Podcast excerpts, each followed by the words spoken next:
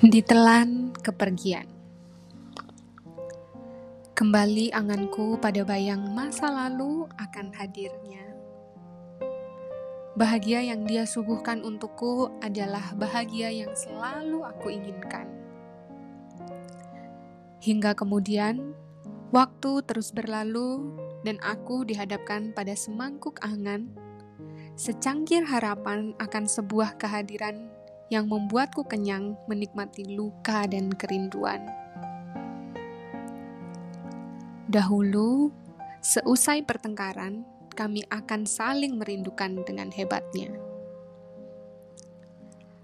Aku tak mampu tanpamu. Adalah sebuah mantra yang dahsyat yang selalu dapat membuat kami saling menggenggam jemari lagi. Tapi kini, ia tak jua datang kembali. Sepekan, sebulan, bahkan telah lewat 13 yang kesekian. Mantra itu tak pernah lagi menyapaku. Tanpa disuruh, kepala ini hanya memikirkan tentang canda tawa yang pernah kami lalui bersama. Sementara dada seolah mati kata perihal luka. Saling melepaskan adalah proses yang membuat hubungan kami tak lagi sama. Membuat kami berada pada suatu jeda, pada sebuah ego rasa yang begitu berkuasa. Atas dasar aku yang tak ingin membagi cintanya, dan atas dasar dia yang tidak ingin bersetia.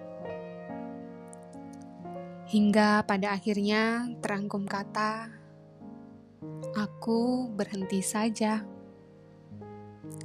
Kami sama-sama pamit untuk pergi meninggalkan rasa-rasa yang tersisa. Aku menjejaki waktuku dengan angan-angan palsu. Aku ingin melangkah maju meninggalkan tempatku. Namun, langkahku tak jua melebar dengan tertatih, satu persatu kususun langkahku. Namun makin mencoba keluar, makin aku tersedot ke dalam.